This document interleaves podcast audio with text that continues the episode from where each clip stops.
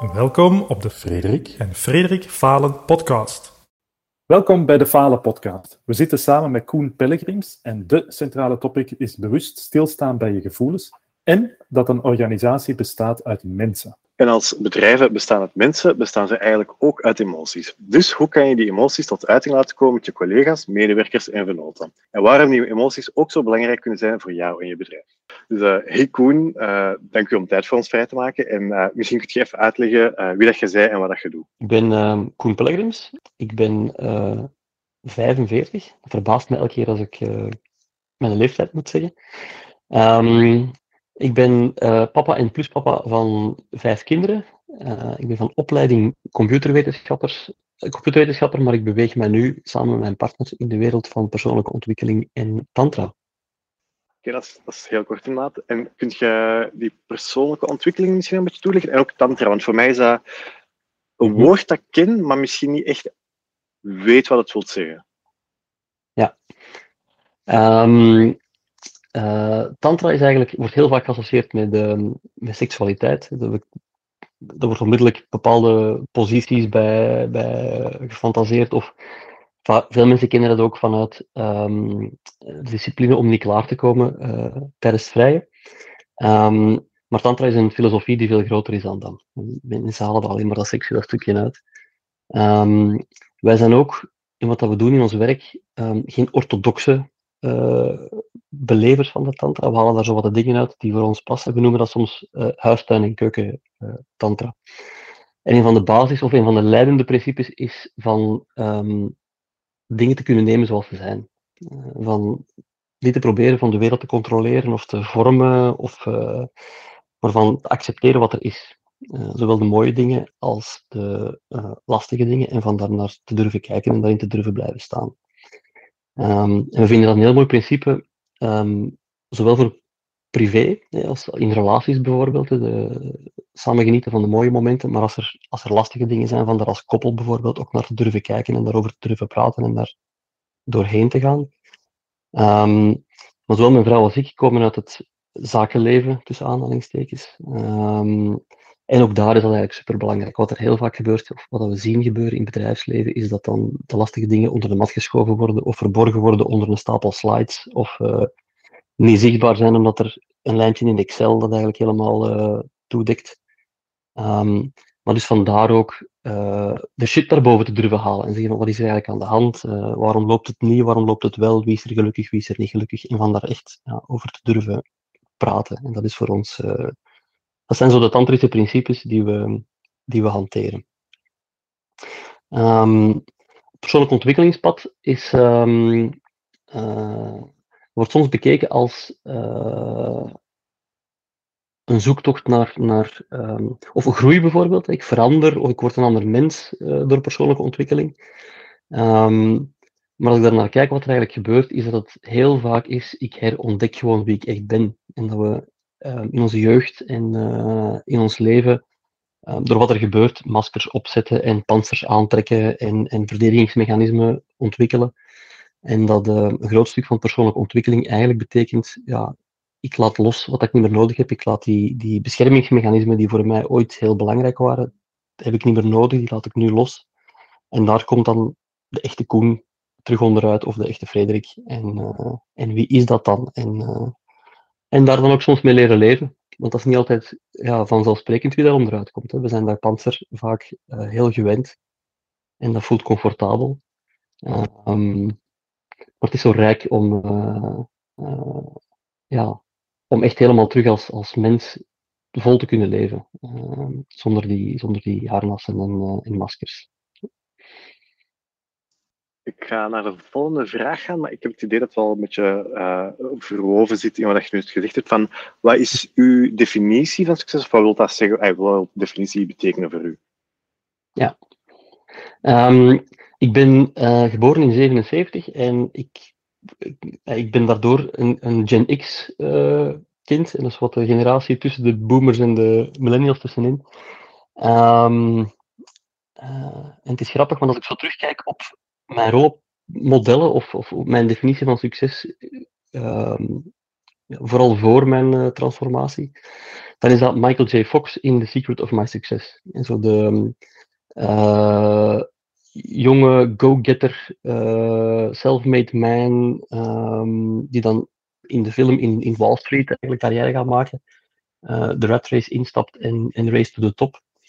Ehm, dus ik denk, ik wil niet voor heel de generatie samenspreken, maar voor mij, oorspronkelijk was succes um, carrière maken, geld verdienen.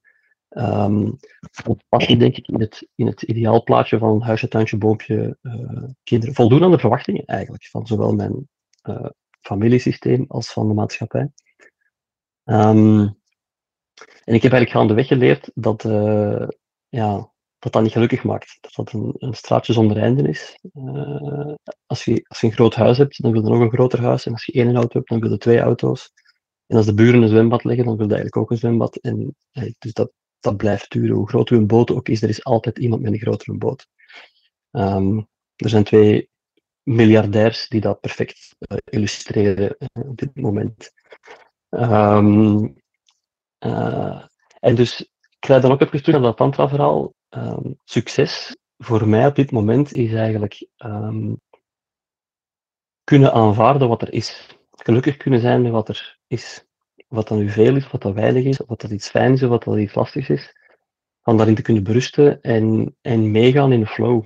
Uh, vertrouwen dat het leven wel ja, uh, zal brengen wat er nodig is. En dat brengt ook een aantal andere waarden boven. De verbinding met mijn kinderen bijvoorbeeld is uh, eh, super belangrijk. Met mijn eigen twee zoons, maar ook met mijn uh, drie plus kinderen. Um, vandaar tijd voor te kunnen maken, vandaar gelukkig mee te kunnen zijn. Uh, daar heb ik in het verleden fouten tegen gemaakt. En, en ik, ik, bijvoorbeeld in mijn persoonlijke ontwikkelingstraject vind ik mezelf succesvol doordat ik nu plots zie wat voor een heerlijke jongens mijn zonen aan het worden zijn en hoe dat die woorden zoals ik hou van jou foto's kunnen gebruiken, wat aan mij nooit gelukt is. En, en dus dat, is echt, dat, ja, dat zijn dingen waar ik mijn succes aan, uh, aan afmeet. Um, wat dan veel emotioneler is, veel zachter, uh, veel subjectiever dan hoeveel geld staat er op mijn bankrekening of met welke auto rijd ik. Als ik, um, ik heb een softwarebedrijf geleid en in die periode was succes voor mij ook vaak um, gerelateerd aan groei, uh, omzetgroei, hoeveel mensen hebben we, um, wat ze soms zo vanity metrics noemen. Um, besef ze dan ook niet bijvoorbeeld dat er met die groei ook elke keer meer, meer stress kwam. En dat, dat, die observatie maakte ik dan niet. En ik heb eigenlijk ja, een tijdje geleden zo wat gereflecteerd over Um, wat wil ik eigenlijk in het leven? Wat is, wat is voor mij belangrijk? Wat is, wat is mijn missie? Wat heb ik hier achter te laten? En de rode draad is daar, um, ik wil eigenlijk anderen helpen om uh, te groeien of helemaal zichzelf te kunnen zijn. Om te ontplooien op welke manier dan ook. Uh, ik geef al ongeveer denk, tien jaar les, uh, deeltijdsles op de hogeschool in Mechelen. En dus van die jonge mensen, ja, als docent heb je daar echt, heb je echt impact op die hun leven. Je zet die op een bepaald pad, je, ontwikkelt die, je, breekt die mensen open, dat is fantastisch.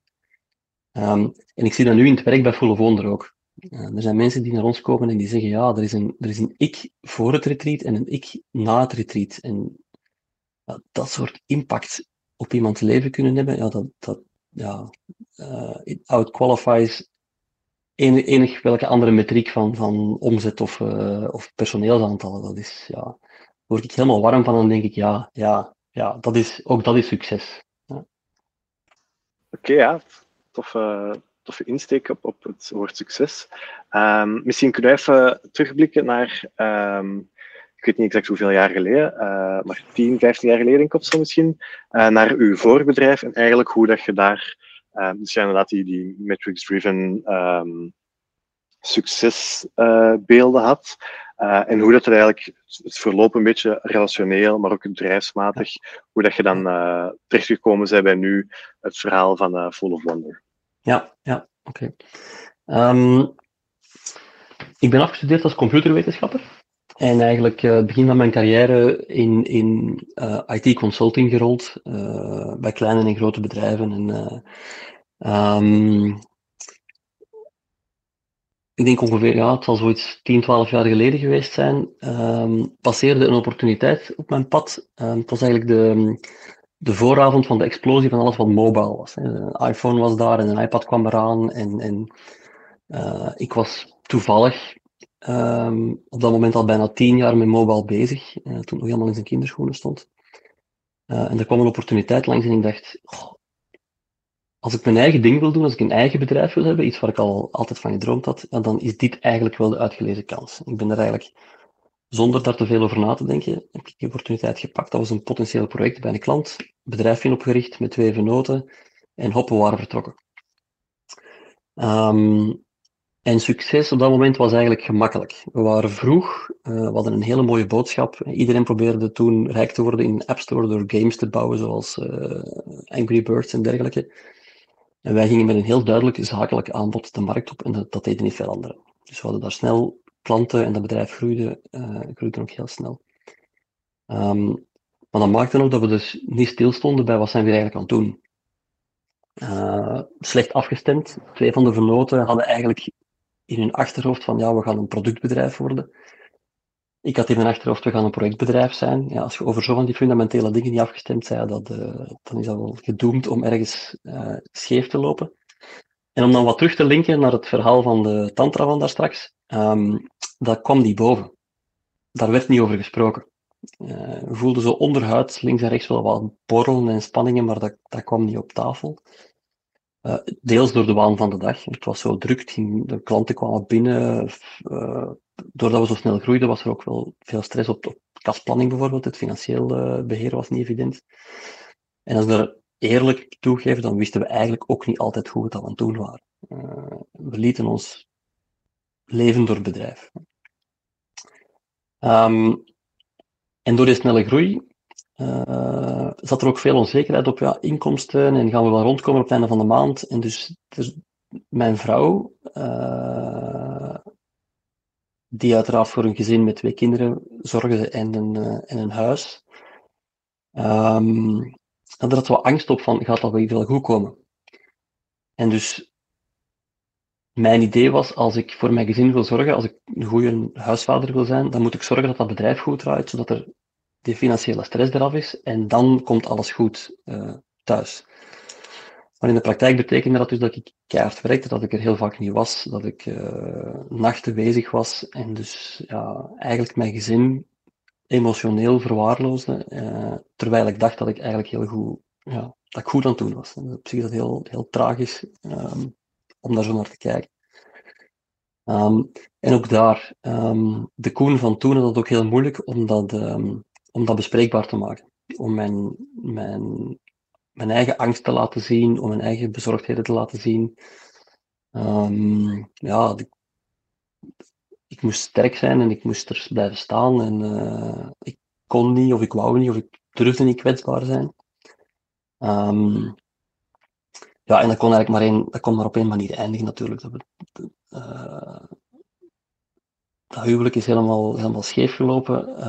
Um, hoewel we elkaar graag zagen, zijn we toch in een situatie terechtgekomen waarin het eigenlijk, ja, waarin we niet meer op een normale manier konden praten en, en ik kon mezelf ook niet meer laten zien aan mijn vrouw. Maar ik ben dan ook elders gaan zoeken. Ik vind dat uh, nog altijd lastig om dat uit te spreken en, en, toe te geven. Dat voelt als een soort van, ja, een soort van falen. Um, uh, maar achteraf gezien is dat op zich wel, is dat toch wel een mooi geschenk geweest in, in mijn verhaal. Um, uh, dat heeft een aantal dingen wakker geschud. Uh, te laat om dat huwelijk te redden, maar, maar wel mooi voor, voor de volgende stap in mijn, ehm, in mijn leven. En dan ben ik naar mezelf gaan kijken van, ja, wat is er eigenlijk aan de hand? Hoe komt dat eigenlijk? waarom is dat ego zo groot? waarom is dat zo moeilijk om die kwetsbaarheid op tafel te leggen? En met een beetje geluk de juiste mensen tegengekomen op mijn pad. Uh, uh, mijn lijf ook helemaal herontdekt. Dus de, de, de ondernemer van een IT-bedrijf, ja, dat, is, dat is hoofd, hoofd, hoofd, hoofd, hoofd. Hè. Dat zijn cijfertjes en code en, en dashboards en KPI's. Ook klanten. De klanten zijn heel uh, business case gericht. wat gaat dat hier opbrengen voor ons? Um, en dus in die, in die volgende stap, in die volgende fase, heb ik echt zo ja, mijn lichaam herontdekt en, en bewegen en dansen. En ik van ja, shit, er zit eigenlijk veel meer in dan, dan ik de laatste 15, 20 jaar uh, gebruikt heb. Um, en daar zat bijvoorbeeld ook heel veel um, verdriet uh, in dat lijf. En dat komt er dan, ja, door, door lichaamswerk te doen, komt dat er dan uit. Ik kreeg dat plots wel een plek. Ik heb, uh, ik denk, bijna 20 jaar lang niet gehuild. Zelfs niet met de echtscheiding. Uh, en ik deed één sessie lichaamswerk en tranen, tranen, tranen. Dus dat, was echt, ja, echt transformatief. Um, en het is ook van daaruit dat ik met mijn, met mijn huidige partner, dat we volle wonder gestart zijn vanuit een... We willen vermijden dat anderen in dezelfde val trappen. Dat anderen zich laten meeslepen in die rat race of, of vergeten dat er meer is dan alleen maar uh, die carrière en, uh, en, dat bedrijf en die cijfertjes. En, uh, um, en dat is ook de missie van Full of Wonder um, uit dat hoofd uitkomen en, en dus als mensen er helemaal staan. Niet enkel het, het cognitieve, waar we zeker in onze westerse maatschappij heel sterk op gefocust zijn. Maar ja, het voelt niet goed vanuit mijn buik of mijn hart zegt nee, kan dat ook een plaats krijgen. Dat is geen lijntje in een Excel-sheet, maar kan dat in een, in een vergaderzaal ook plek krijgen. Um, ik weet wel niet of dat we dit moeten doen. Het brengt veel op, maar het voelt niet oké. Okay. Is dat een taal die we die we mogen hanteren in een, in een bedrijfscontext.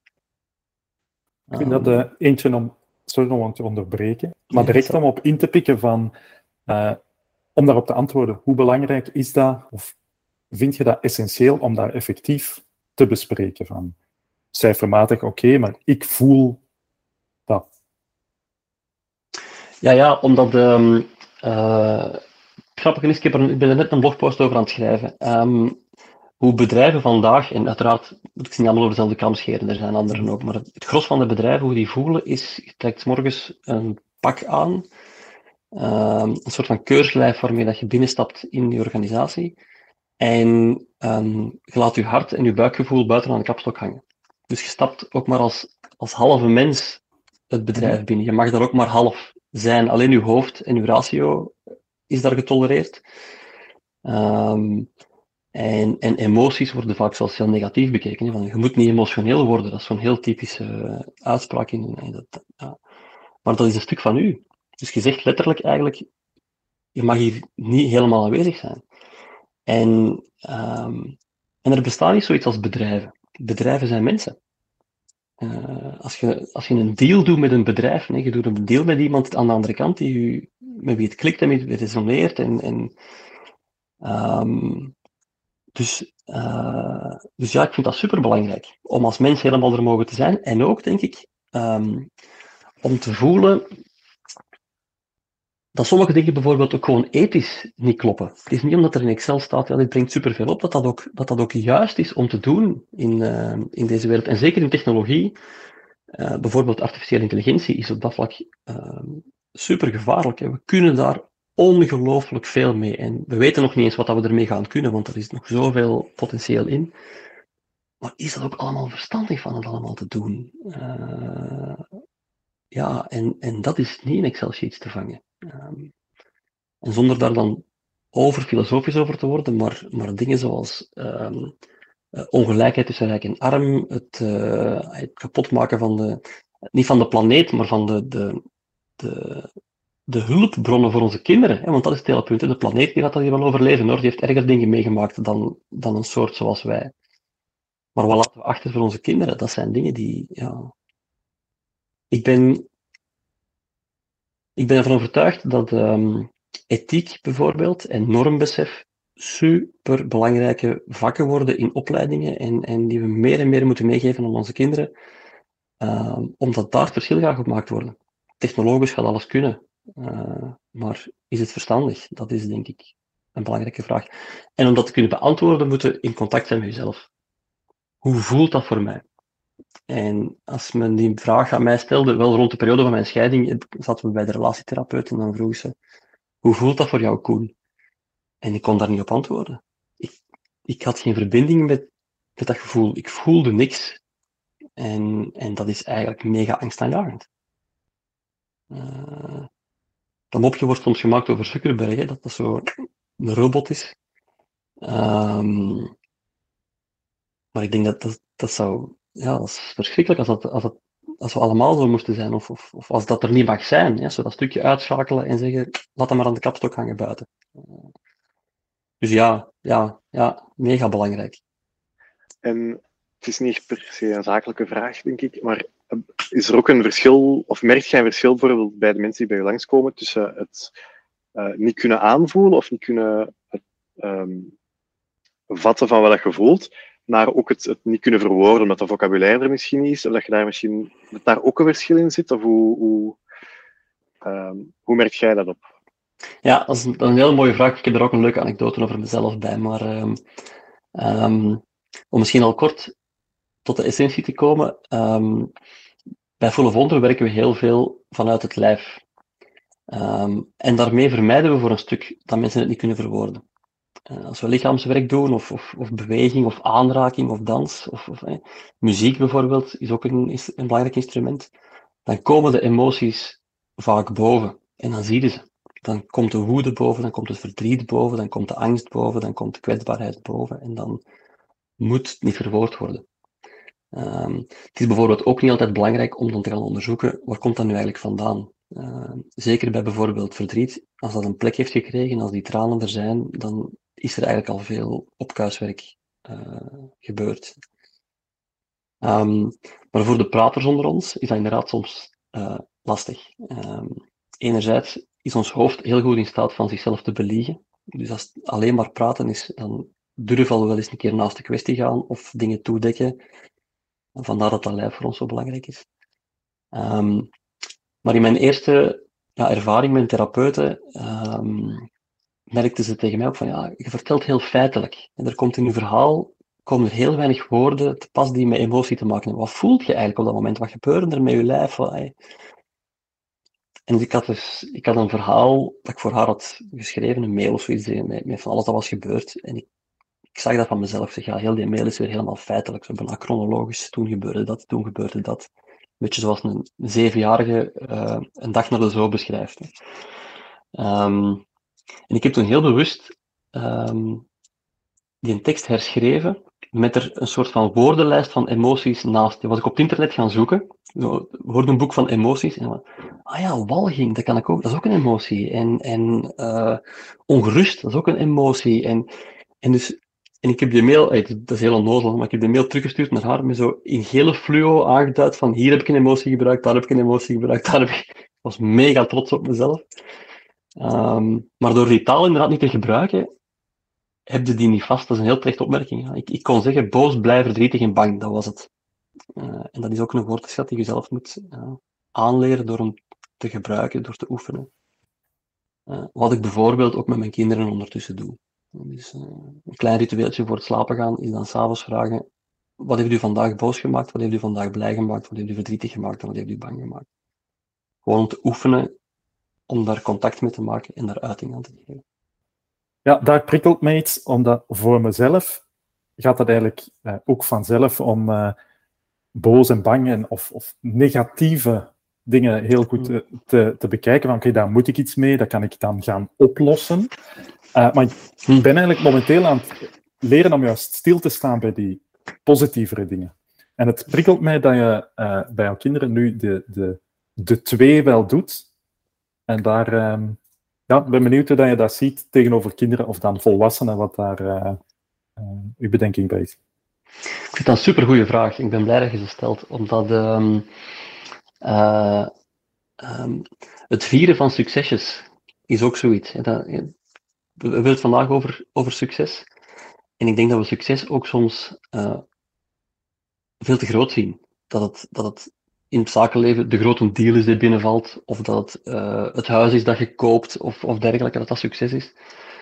Um, maar uh, het, is een, het is een supergezellige dag geweest, of uh, ik heb vandaag twee mails kunnen schrijven die ik eigenlijk wou schrijven, of um, de jongens hebben een prachtige tekening gemaakt, ook dat zijn succesjes. En van, van, daar, van daarbij stil te staan.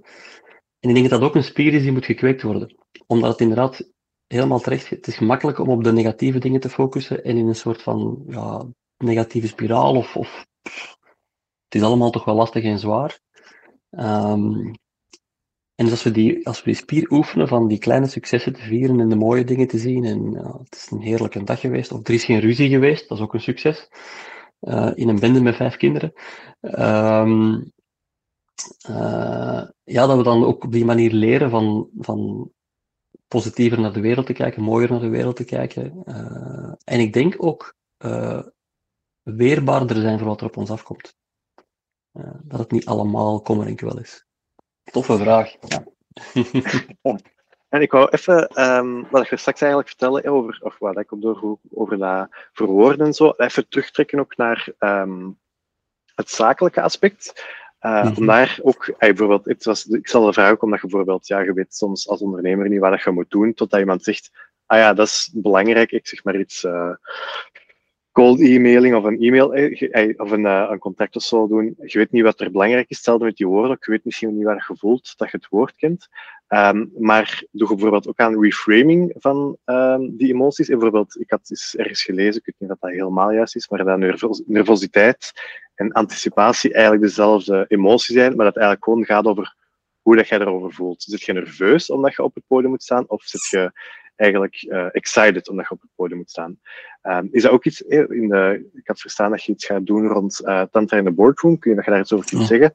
En zit die reframing daar bijvoorbeeld ook bij, of is dat puur eigenlijk het, het uiten van emoties? Um, nee, ik, zou niet, ik weet niet of dat wij het reframing zouden noemen, maar ik begrijp wel wat je, wat dat je bedoelt. Um, dus de, de ambitie van Tantra voor de boardroom is eigenlijk een, een, het is een jaartraject uh, waarin dat we ondernemers willen meenemen om dus ja, die, een, die een hele mens toe te laten in de, in de onderneming. In eerste plaats vanuit een soort van voorbeeldfunctie als ondernemer. Je moet er uiteraard zelf op die manier willen instappen om het dan de organisatie ook uh, ja, te, laten, te laten, laten leven. Um, maar een belangrijk stuk daarvan is natuurlijk um,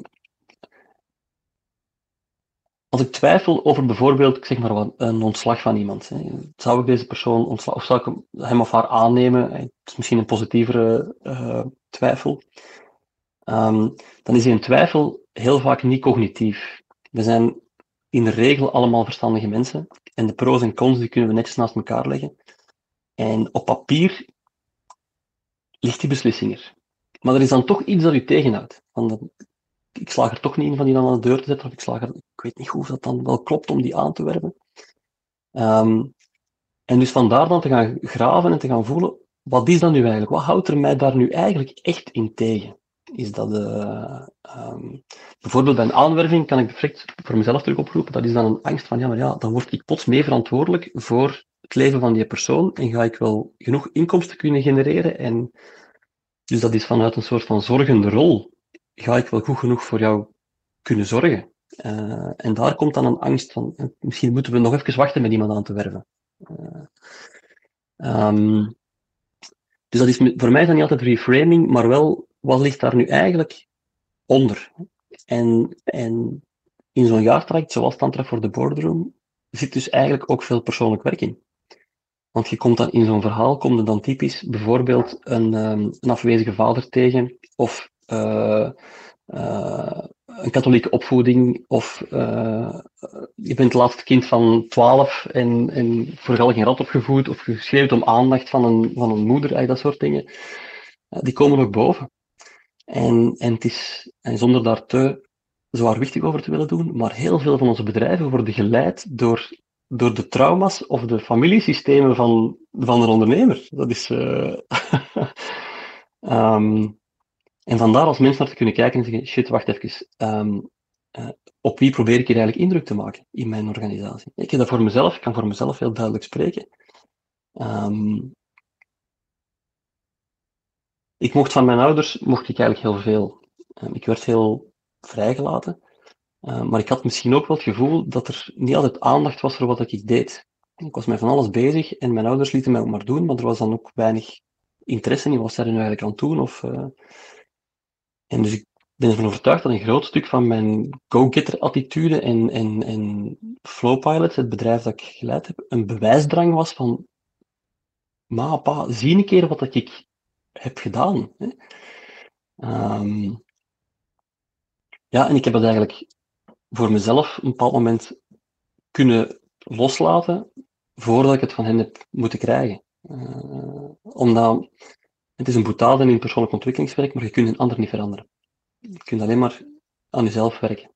En je wordt heel ongelukkig als je zit te wachten tot een ander uh, verandert. Dus ik kijk naar mezelf, uh, hoe ageer ik, wat, is, wat, wat, zijn mijn blokkades, wat zijn mijn trauma's, en ik probeer daar voorbij te stappen. En, uh, en dat effect zindert dan hopelijk na in de organisatie.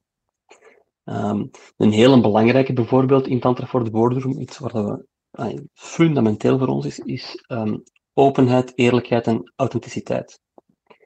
En dat zijn echt fucking moeilijke woorden in een organisatie. Hoe open durft je als bedrijf, als ondernemer zijn met je medewerkers? Er zijn heel weinig organisaties waarin dat bijvoorbeeld lonen gedeeld worden, of prijzen gedeeld worden, of marges gedeeld worden, of um, hoe het met de organisatie eigenlijk is. Um, en dan krijg je ook zo'n effect van ondernemers die dan zeggen, pas op, en ik was ook zo, hè, uh, it's lonely at the top. Uh, ik moet heel die, die organisatie op mijn eigen schouders dragen en ik, moet daar, uh, ik ben verantwoordelijk, eindverantwoordelijk voor alles. Maar dat is niet waar. Je kiest ervoor om eindverantwoordelijk te zijn voor alles, omdat je je team niet meer laat dragen. Ge, ge, ge, ik, ik, ik. Uh, um, en dat is, dat is de, de wondernemer, noemen we dat dan. Full of wonder. En dan de wondernemer is daar kan dat wel. Kan dat ego aan de kant zetten, kan zeggen, ik, ik besef dat ik dat we samen veel verder kunnen geraken dan, uh, dan op mijn eentje. En daar is ook zakelijk en privé verweven, want de ondernemer die zich laat steunen door een team of door haar team, um, uh, die gaat dan waarschijnlijk niet in burn-out, bijvoorbeeld. Dat is een uh, kans is kleiner. Of ik, ik leid vanuit mijn hart, ik doe de dingen die ik graag doe, ik heb een missie in het leven en dan, ja, dat, dat geeft u een heel ander soort energie als, als ondernemer. Is dat iets vanuit persoonlijke ervaring, Koen? Dat je zegt van, dat je zelf ook te veel naar jezelf toetrok van, ik moet het hier zelf helemaal gaan oplossen? Het zal wel zijn. En, um, en ik zou graag zeggen dat ik daar voorbij ben, maar dat is, dat is absoluut niet. Ik zit hier zeker niet als de volmaakte, uh, zelfbewuste man, verre van. Um, nee, nee, jawel, dat is bijvoorbeeld bij mij dat een diep ingegraven patroon. Uh, ik zal het wel doen en ik zal het wel op mijn schouders tillen en uh, um, voor een stuk um, van het soort van pleasingrol, uh, voor een stuk ook um, eer willen opstrijken. Ik vind dat lastig als ik iets bezig ben en iemand komt mee helpen, omdat ik dan de eer niet, mm -hmm. alleen kan opstrijken. Um, en misschien, ik ben altijd voorzichtig met genderspecifieke dingen, maar het is ook een redelijk mannelijk ding van dingen te willen fixen en op te lossen. Uh, uh, een frustratie die we vaak zien in koppelswerk is de vrouw die zo eens even moet komen uithuilen of haar beklag moet doen of zo eens even moet. En de man die dan het idee heeft van ik moet dit oplossen. Terwijl we als partner soms gewoon moeten aanwezig zijn en, en luisteren. Dat, dat is een beetje tragisch zelfs, want je probeert als man denken van ik wil dit fixen, maar je kunt dat niet altijd fixen. Uw vrouw is slim genoeg en die zou dat waarschijnlijk ook al wel gefixt hebben als dat fixbaar was. Um, waardoor je als man dan in een soort van frustratie terechtkomt van mijn vrouw heeft iets nodig en ik, en ik krijg het niet opgelost. En hij dus, ja, dat is, dat is bijna een, tragische dynamiek. Um, dus gewoon aanwezig kunnen zijn in wat er, in wat er is. En dat is dan terug zo'n tantrisch principe. Ja, ja oké, dit is echt kut.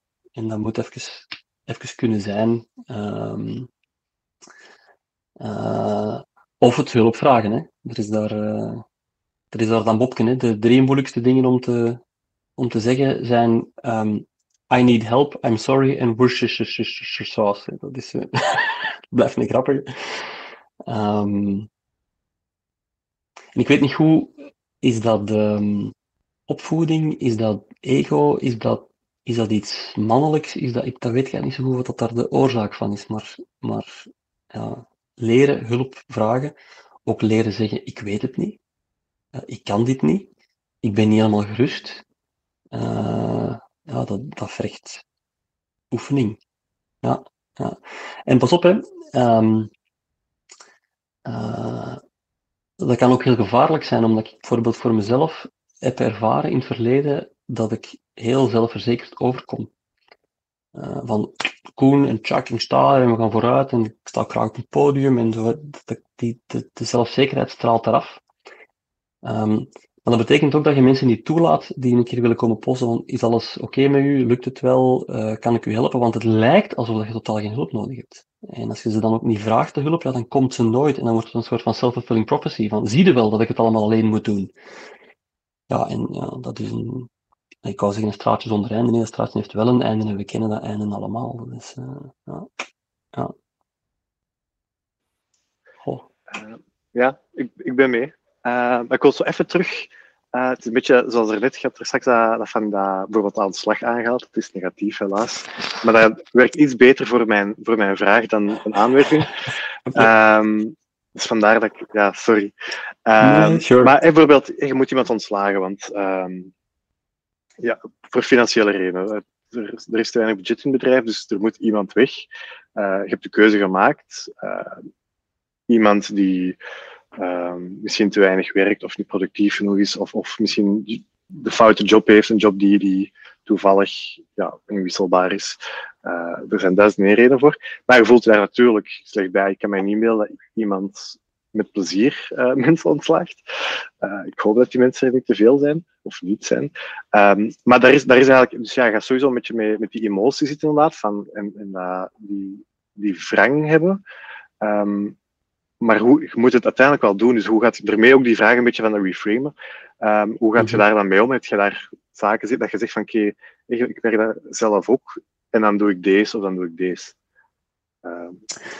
Ik denk, uh, dat is een goede vraag, Frederik, maar ik denk dat dat, um, um, dat je dat eigenlijk niet, niet als een losstaand uh, element mocht zien in, in, ja, in dat bedrijf of in die, in die relatie met die werknemer. Natuurlijk, wat ik, nu, wat ik nu over heb, is een ideaal scenario. Hè. Daar zijn we zeker in veel organisaties nog niet. Um, maar in een organisatie met een heel open en, en eerlijke bedrijfscultuur is dat ontslag om te beginnen geen verrassing. Dan, dan zijn er al gesprekken geweest van mannetjes, het zit niet goed of daar hebben we issues en, en hoe gaan we dat hier aanpakken. En, um, uh, er, is ook, um, er is ook een soort van open en vertrouwensrelatie tussen, tussen ondernemer en, en de medewerkers. Dus het, ja, ik vind het wel lastig, want er zal iemand moeten afvloeien, bijvoorbeeld, is dan ook, dat is, dat is uitgesproken. Dus dat, het gaat dan eerder over wie gaat dat hier zijn, dan, dan dat moet gebeuren. Uh, ik vind dat ook lastig om iemand te moeten ontslaan. Ik vind dat echt verschrikkelijk. En dus die, er is daar een, er is daar een, een niveau van verbinding in zo'n organisatie die we in heel weinig bedrijven vinden. Uh, we leren in zo'n ontslaggesprek een stramientje hoe dat we dat moeten doen. Hè. Je moet direct binnenkomen met de essentie en je moet dan uh, vermijden dat je in een argument terechtkomt en zo. Dat is, pff, dat is terug mijn punt van daar straks. Je ontmenselijkt het hele verhaal en je zegt: hier is uw checklistje hoe je het moet aanpakken. Zodat je, en als ik dat, ik ga even hard zijn, zodat je in dat gesprek zeker niet in de emotie gesleept wordt. Want dat is wat zo'n zo'n draaiboekje doet, hè? vermijden dat het een emotioneel gesprek wordt. Ja, ik zou zelfs andersom durven argumenteren. Um, ik zou verwelkomen dat er een emotioneel gesprek is. Maar natuurlijk geen, niet vanuit een soort van drama of donderslag bij helder hemel, maar vanuit verbinding tussen, van mens tot mens. Van ja, dit moet gebeuren voor het grote geheel of voor de anderen. Of, en ik vind dat echt lastig om te doen, maar dat dat ook oprecht lastig is. En niet een ik zeg dit om, om het uh, als een soort van doekje voor het, uh, voor het bloeden. Maar een ontslag is altijd kak, dat zal altijd zo zijn. Dat is het, zoals verbreken van een relatie. Dat is, uh, ja. ja, dat is altijd lastig. Maar anders, ik denk dat dan ook, als het op die manier kan lopen, dat de persoon die moet vertrekken, daar ook heel anders naar kan kijken.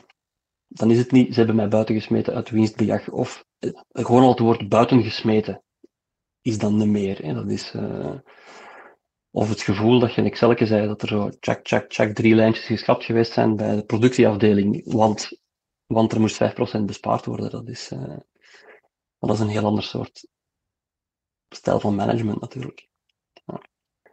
Wel, ik ben er wel van overtuigd dat bijvoorbeeld, we hebben nu iedereen de mond vol van de war on talent en, uh, en er zijn superveel vacatures.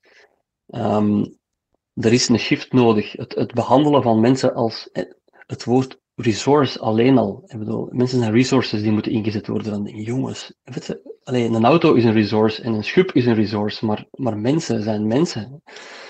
En ik denk dat ehm, in, die, in die schaarste op de arbeidsmarkt werknemers ook gewoon veel meer waarde gaan hechten aan van waar kom ik hier terecht, in welk soort organisatie kom ik terecht. Je voelt dat ook bij de nieuwe generatie, millennials zijn heel erg begaan met waar staat dit bedrijf eigenlijk voor? Wat, willen die betekenen in de wereld?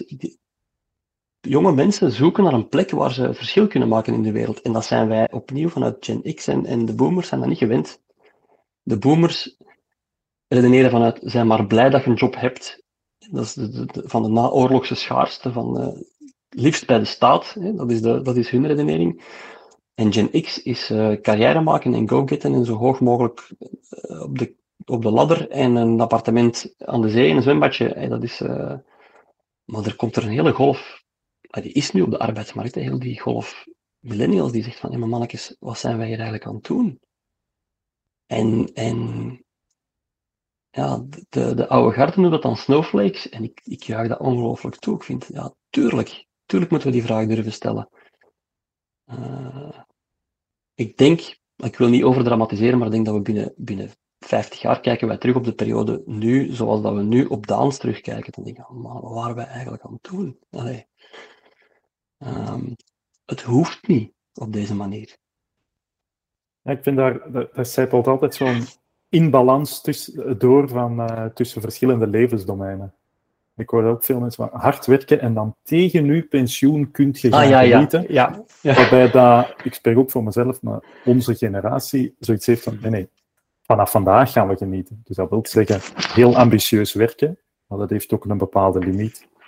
En um, uh, ja, was even een bedenking dat ik nog... Uh, nee, nee, en dat is een terechte bedenking, Frederik, want dat maakt ook de link met het tantra-verhaal. Tantra, een van de tantra-principes is ook um, het loslaten van een doel. Als ik het voorbeeld gaf daar straks, van tantra wordt soms geassocieerd met uh, niet klaarkomen. Dat is omdat klaarkomen tijdens het vrije, dat is, dat is doelgericht.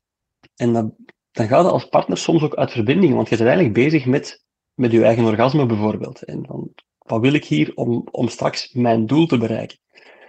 Eh, terwijl een tantrisch principe is, geniet van het, van het liefdespel, geniet van elkaar. En misschien, misschien is daar een orgasme bij, misschien is daar geen orgasme bij, maar het, maar het spel is de essentie. En dus daarom noemen we het programma ook Tantra voor de Boardroom. Dat je ook in een organisatie leert genieten van, van de reis. Leven en carrière die lopen door elkaar. En dus ja, enjoy it nu. In het hier en nu. En niet inderdaad werken voor de toekomst of werken voor een pensioen. Of, uh, dat, dat, en dat kan perfect samen. We maken ons soms wijs dat dat niet samen kan, maar dat is het. Dus het, ik wil het niet doelloos noemen, want doelloos klinkt, klinkt te, te pejoratief, maar het, het loslaten van een bepaalde doelgerichtheid en, en gaan met flow. Ja, ja want daar, daar mist het um, bij mij, maar ik merk dat ook bij andere collega-ondernemers, denk ik nog een stuk aan vocabulaire van ja, mode dan nog ambitieus zijn. Wat is ambitie? Dan heb je het ook iets dat je nastreeft. Je wilt iets meer of iets beter of iets nieuw of iets, iets dat er nu dus nog niet is. Mhm. Ehm, ik heb het gevoel dat dat wel nodig is, dat element van ambitie. Hoe match je die aan om de twee te respecteren? Zowel het ja, ja, moment zijn en, de, en ook niet ja, gewoon te zitten. ja, ah, wel, ik denk dat dat. Um, um, ambitie. Ik ga het even voor, voor, voor argument zeggen. Ambitie zou ik een, um, bijna een externe pool noemen. Het trekken van. Ik heb een doel en dat, ik moet dat bereiken. Dat doel trekt mij naar zich toe. Ik, ik ga ik heb een focus daarop en dat wil ik, dat wil ik um, halen.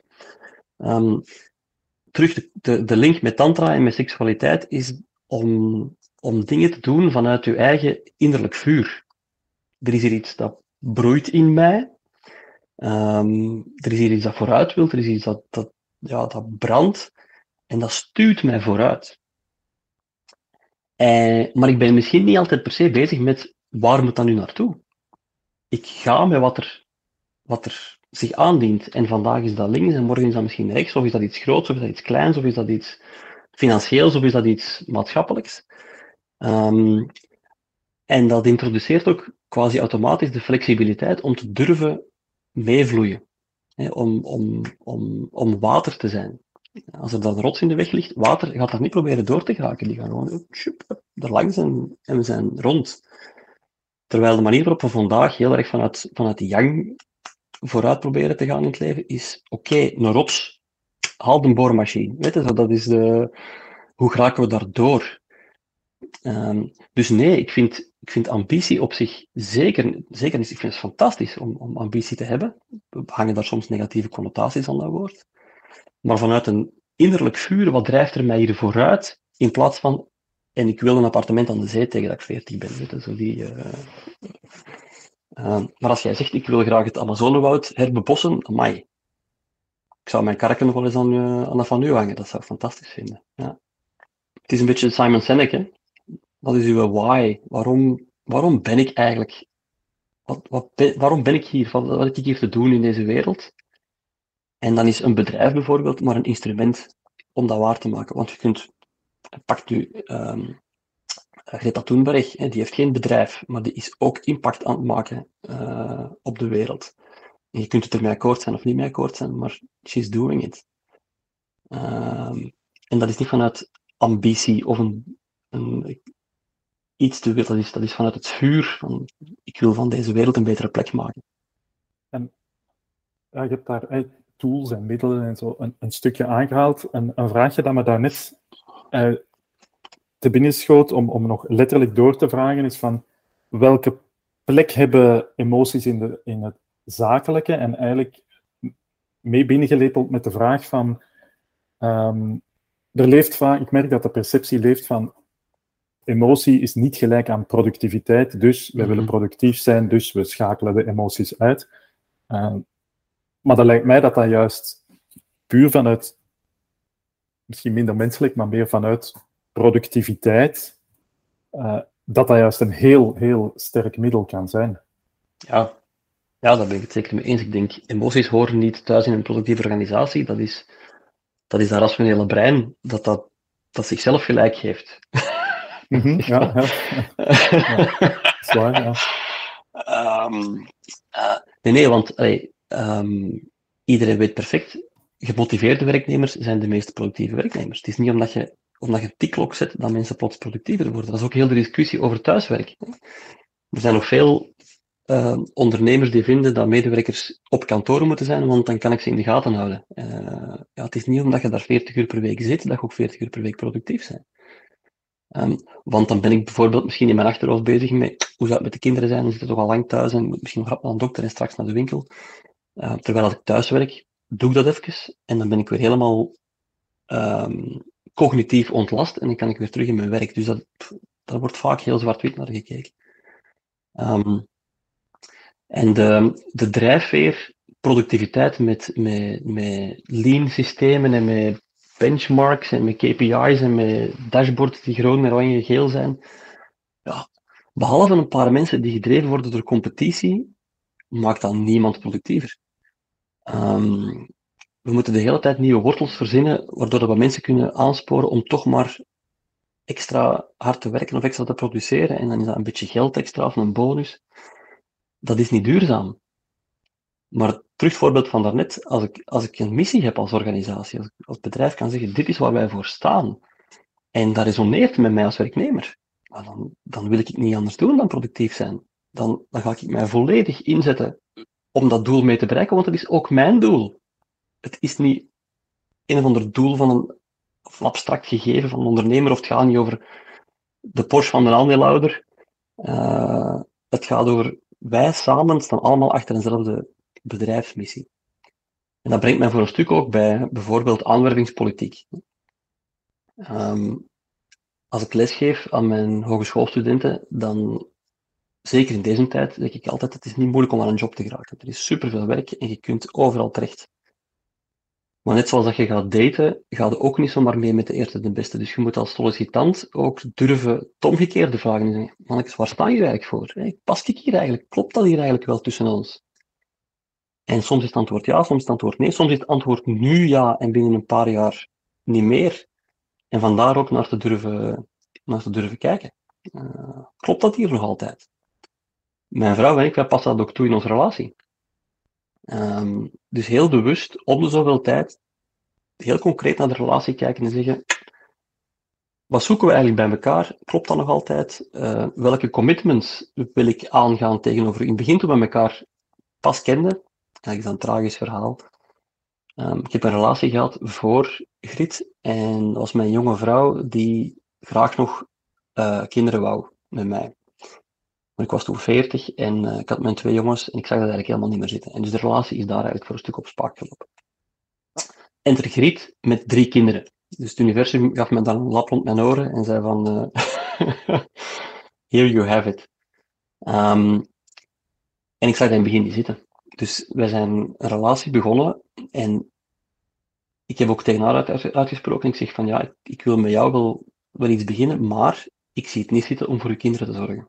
Dat, de papa-rol over die drie kinderen, dat zie ik niet. Dat was lastig voor haar om te horen, dat is ambetant, uh, pijnlijk.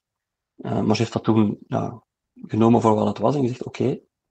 Um, en een half jaar later was ik gezakt en was ook mijn, mijn scheiding en alles helemaal verwerkt. En, en was er daar wel plots ruimte bij mij. En dan voelde ik van: ah ja, weet je, misschien wel.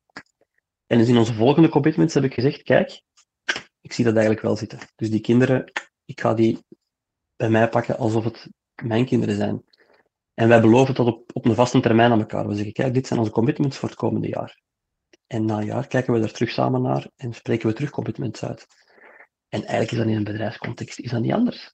Tantra voor de boardroom is ontstaan uit het idee dynamieken in een relatie en dynamieken in een organisatie. Eigenlijk is dat hetzelfde. Eigenlijk is dat hetzelfde. Uh, wil ik met jou nog samen zijn? Wil ik met jou nog samen op pad en, en maken wij elkaar gelukkig?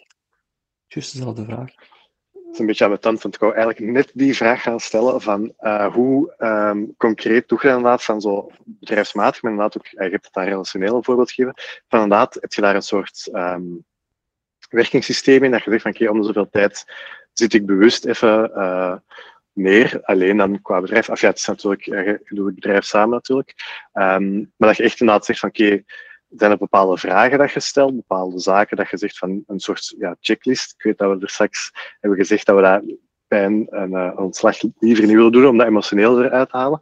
Maar heb je zo'n een bepaald framework of, of ja, template tussen aanhalingstekens dat je daarin gebruikt voor die, die evaluatie? Um, op dit moment eigenlijk niet. Um, wat we wel doen is dat we. Um, wacht, op zich terug, dat staat niet los op zich. Hè. Er, is daar, er is daar er is al van alles rond. En um, een van de belangrijkste instrumenten bij ons in de relatie is wat we noemen een self-disclosure. Maar dat is eigenlijk gewoon een, een momentje waarin dat we met elkaar delen hoe het met ons is. Het mooie aan zo'n moment is, we zitten tegenover elkaar, we nemen, we nemen daar helemaal de tijd voor. Dus gsm's gaan uit, uh, geen afleiding. En we spreken elk om de beurt. En je vertelt gewoon, hoe is het hier, nu, met mij? Uh, de goede dingen, de lelijke dingen, de lastige dingen, uh, de donkere dingen. Maar de spreker spreekt en de ander luistert en is helemaal aanwezig. En als ik klaar ben, wisselen we van rol. En daar eindigt het. Dus de bedoeling van dat gesprek is niet, de bedoeling is net niet om een gesprek te hebben en daar dan op in te gaan en ja, waar en dus, maar gewoon, ik kan uiten wat er is en wat er speelt en dat ligt daar en ik ben daar. Het ligt in die open. Dat is wel belangrijk. Dat we van elkaar wel voelen wat er aan de hand is. Dus even, het is eigenlijk geen dialoog, maar een dubbel monoloog. Om het Dubbele monoloog, even zo ja. te noemen. Ja, oké. Ja, oké. ja, ja. En is dat een concrete afspraak dat je zegt van oké, dat is elke vrijdag? Of is dat meer iets dat je zegt van oké, kunnen we dat vanavond nog eens doen? Omdat je het 's ochtends... Hoe komt dat tot stand? Ja. Dus in het begin van onze relatie hebben we dat ehm, heel bewust dagelijks gedaan. Hebben dat, echt een, dat moest echt een gewoonte worden. En eh, we woonden toen ook niet samen. Dus dat was vaak over WhatsApp. Ik stuurde mijn filmpje en zij stuurde naar filmpje en we bekeken elkaar filmpje pas als we allebei ons ding gedaan hadden. Dat, het ook niet beïnvloed wordt door wat de ander, uh, ander zegt. Honderd dagen lang hebben we dat elke dag gedaan. Uh, mijn eerste twintig filmpjes beginnen met ik heb er echt geen goesting in. Uh, dus dat, ook dat is een emotie die er mag zijn van voel het als een opdracht om dat te moeten doen. Um, ondertussen zijn we zover dat, um, dat we kunnen uitspreken van hey, kunnen we nog eens een SD doen, want ik heb er even nood aan, of, uh, of het is lang geleden, zullen we nog eens eentje doen. In de praktijk is dat drie, vier keer per week. Uh, soms is ook het, het, een signaal van oei, er is iets.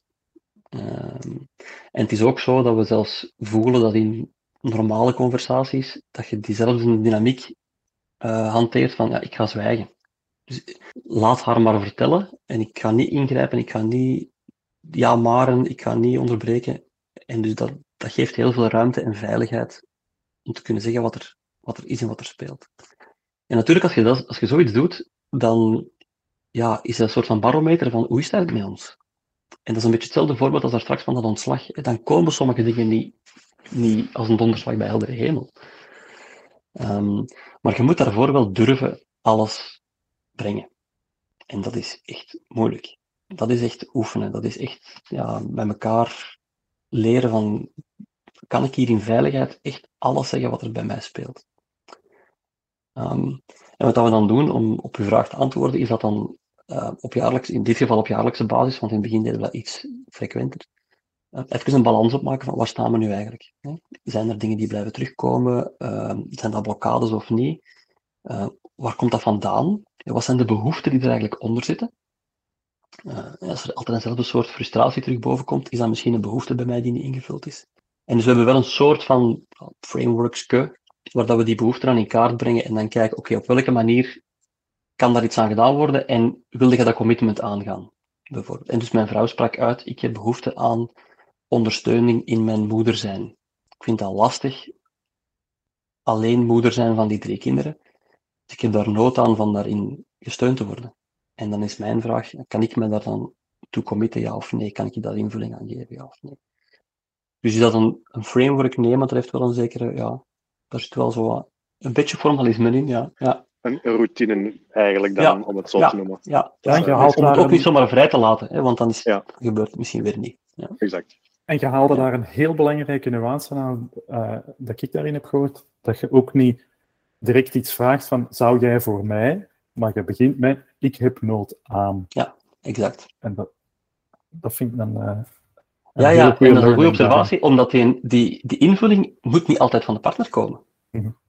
Ik heb nood aan A of B of C, en dan, ah, misschien kunnen we dat extern vinden.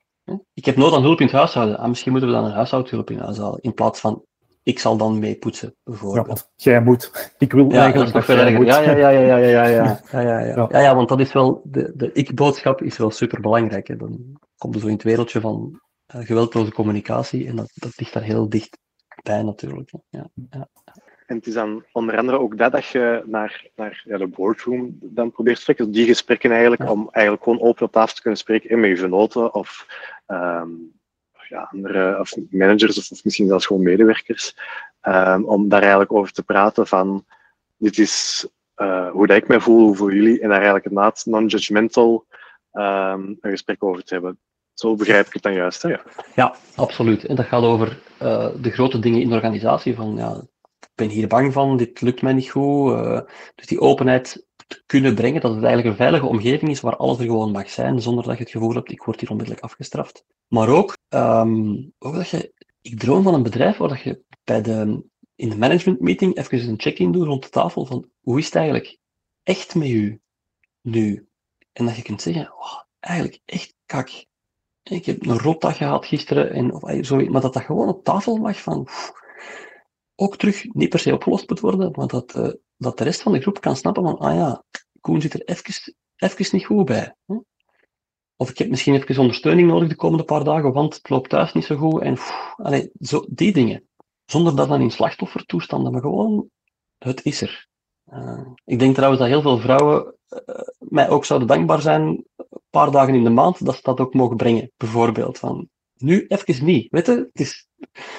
Um, zonder dat er dan oordeel of waarde op ligt, of dat dan inderdaad die productiviteitslat boven gehaald wordt en zegt van, ja, maar ja, je gaat toch niet onder onze benchmark vallen. Zijn er voor, uh, voor ondernemers bepaalde uh, aandachtspunten of, of uh, dat je kunt aanhalen? Ik ga mijn vraag, welke aandachtspunten moet een ondernemer op zijn radar of hun radar hebben om niet in bepaalde valkuilen te stappen of dat ze Um, dat het signalen zijn van het gebrek aan aandacht te hebben voor emotie. Het is een moeilijk geconstrueerde vraag, maar eigenlijk is het als iemand nu luistert, wat zijn zo signalen van, pas op, je gaat voorbij aan, aan emotie, je valt in, uh, in die valkuil?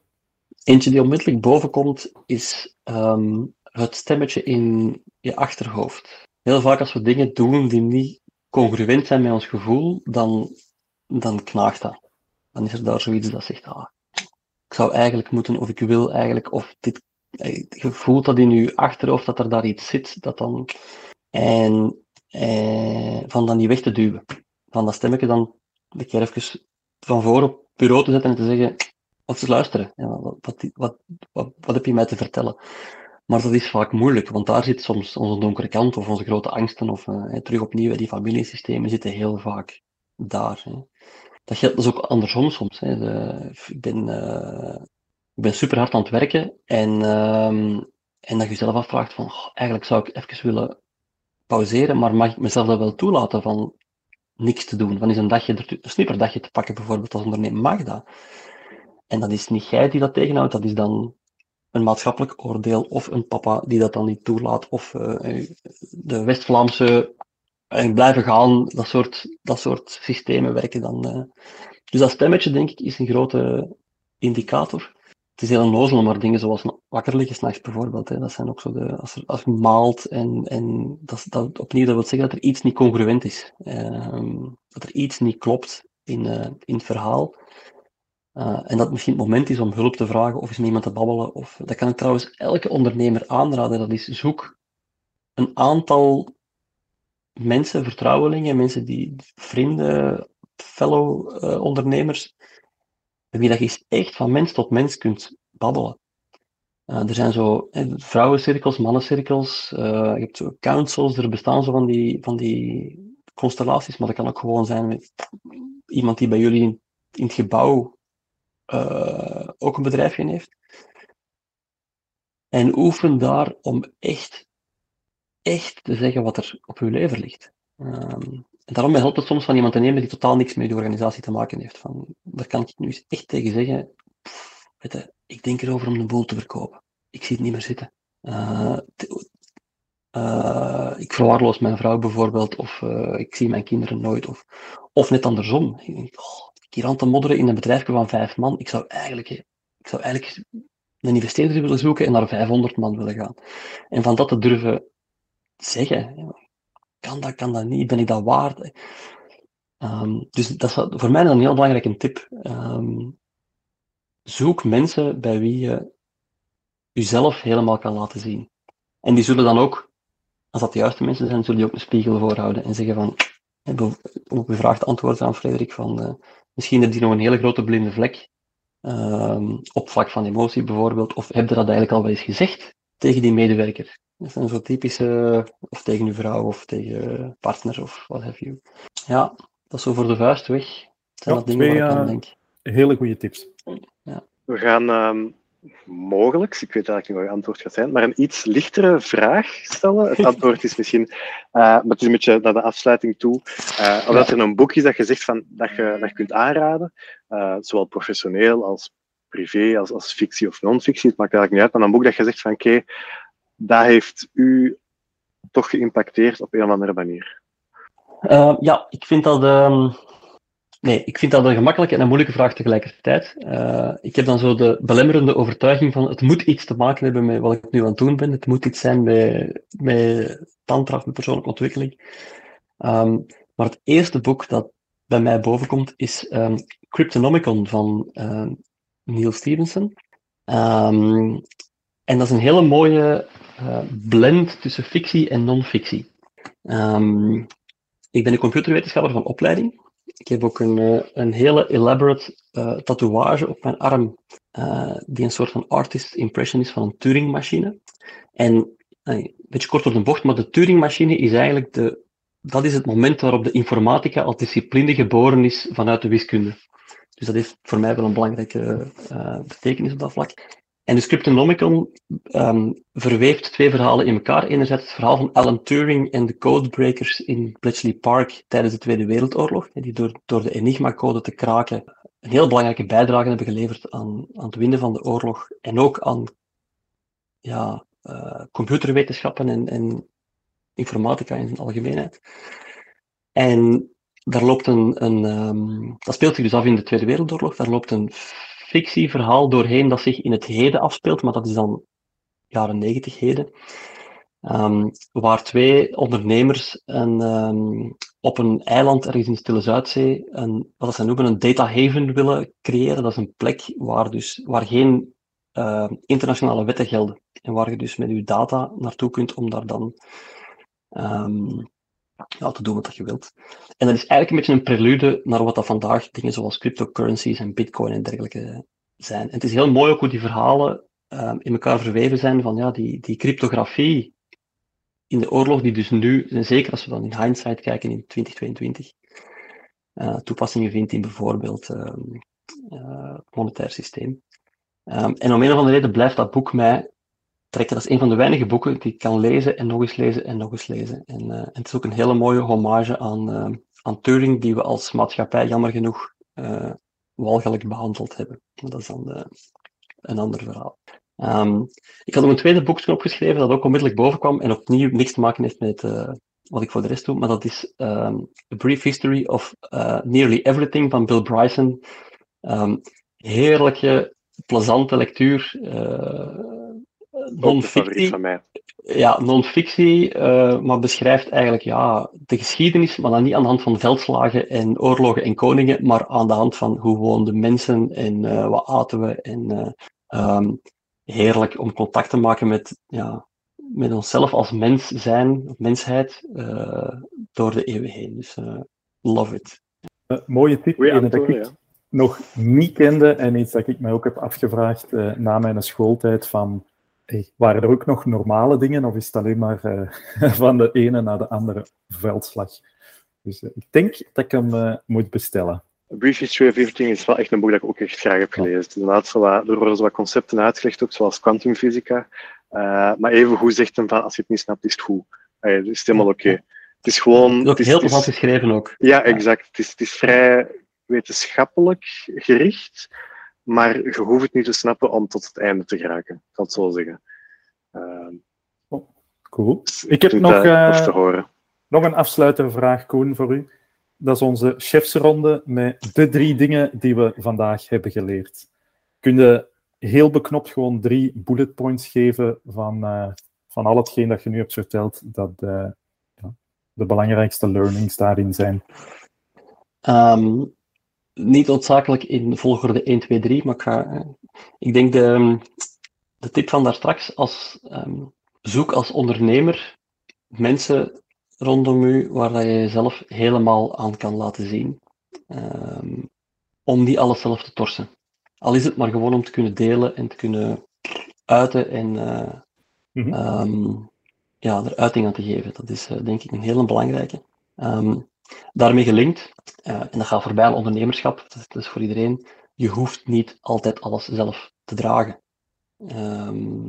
hulp vragen is is eigenlijk zelfs een, een teken van, van kracht. Hè. Durven kwetsbaarheid laten zien, durven hulp vragen en, en samen dragen in plaats van de hele tijd zelf op, uh, op je schouders te torsen. Ja, en de derde is dan misschien um, ondernemingen zijn mensen. En, uh, en laat de mens helemaal toe in je onderneming. En niet enkel het hoofd, niet enkel de ratio, uh, maar um, omarm elke medewerker, elke klant, elke partner in, um, helemaal in hun mens zijn en, uh, en kijk wat u dat kan brengen. Als, zelf als mens en als organisatie. Ja, mooi. Um, misschien als, als aller, allerlaatste, gewoon om even voor mensen die, die meer willen weten, mensen die misschien mm -hmm. gewoon een traject bij u willen, willen mm -hmm. uh, doen. Waar kunnen ze u het beste vinden? Waar is het de beste, de beste plaats om u te contacteren? Um, wij zijn perfect vindbaar op onze website, dus uh, www.fullofwonder.be. Uh, en daar staan ook onze contactgegevens, dus koen.fullofwonder.be en um, ook mijn gsm, WhatsApp, dat soort dingen. Um, wij hebben graag contact met mensen. Dus we laten die gegevens ook overal rondslingeren en, en staan heel open voor berichtjes en dergelijke. En, uh, uh, een klein beetje ander kantje van mezelf uh, zit op Twitter als @kpelliger, um, maar daar, uh, daar ben ik minder actief vanuit mijn volle wonder activiteiten. ja, dat is gewoon de mens, Koen, die reageert op wat dat hem triggert en intrigeert en gekke kattengifs deelt. Voilà, dat is hoe ik u ken, ja. voilà, maar merci Koen voor, uh, voor dit gesprek. Uh, dan, uh, dat is heel, uh, voor mij heel leerrijk, toch? Eh, ik hoop voor de luisteraars ook. Maar merci en hopelijk tot snel nog eens. Echt. Met heel veel plezier. Ik vond het echt super fijn om te doen. Dankjewel voor de gelegenheid. Vond je dit een boeiend gesprek? Abonneer je dan voor alle volgende afleveringen en volg ons op LinkedIn of Instagram voor alle updates. Heb je zelf een verhaal over falen dat je wil vertellen? Contacteer ons dan via falenpodcast.gmail. Dat is fffalenpodcast.gmail.com of via onze social media kanalen en profielen. Tot in het volgende gesprek.